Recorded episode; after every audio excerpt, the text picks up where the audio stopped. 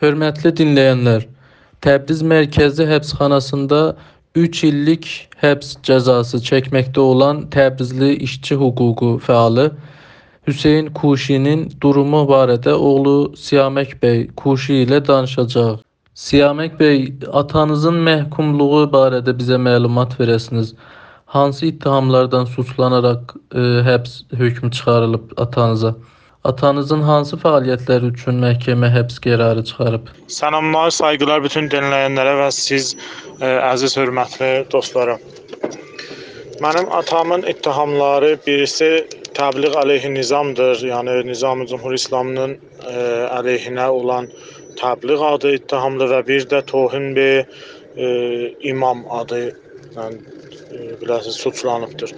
Bunun çoxlu ə, ittihamları ə, sanal dünyada etdiyi fəaliyyətlər üçün yazdığı yazılar, ə, Instagram səhifəsində paylaşdığı sözlər, storylar, məqalələr və postlar üstündə ə, bu ittihamlar vurulub rəsmən. Verilən hökmə qarşı apellyasiya məhkəməsinə şikayət etdinizmi? Təəssüflərlə hökm bizə e, qiyabi sadir olunubdur. E, yəni bu hökm bizə ibləğ olmayıbdır ki, ona etiraz verilsin və e, şikayət olunsun. Və bir zaman bunu anladıq ki, gəldilər e, və qapımıza məhkəmədən ki, sizə hökm gəlibdi, zindanınız vardı, gərək bizlə gələsiz zindana. Ondan qabaq e, 3 ay 4 ay qabağı bi- bizim atanaya gəlib evdən aparmışlar ittilata qoşusun və bir para e, şəxsi vəsailin kitablarını zəbt etmişlər.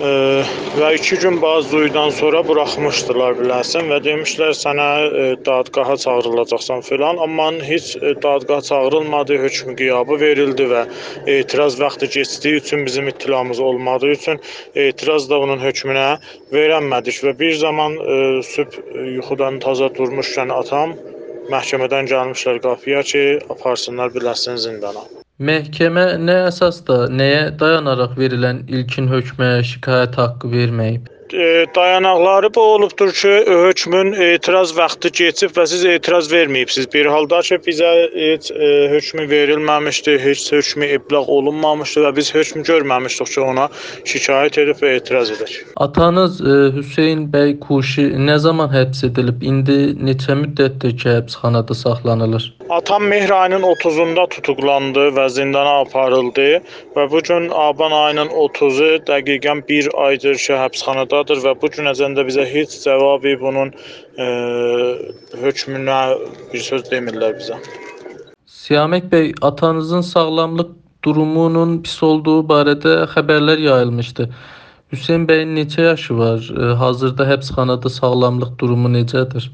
Atamın indi 68 yaşı vardır və riya xoşluğu vardı. Yəni 3 ildir ki, riya xoşluğu ilə dərgirdir və daimən evimizdə oksigen dəstgahından istifadə elər, oksigen dəstgahı kullanar və bir parada davaları vardı, xas davalardılar, riya üçündülər.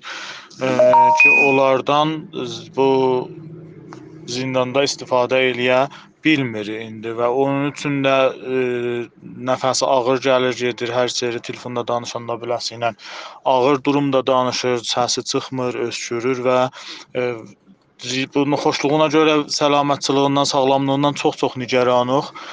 Buna e, dayanaraq mən dəfələrcə zindanın məsullarının yanına getmişəm. Bəli, mənə bir düzəməlli cavab vermirlər. E, dərxəst vermişik ki, bunu pabəndə elektroniki ilə buraxsınlar. Pərvəndə fizikçisinə aparmışam, göstərmişəm və kopyalarını vermişəm zindana.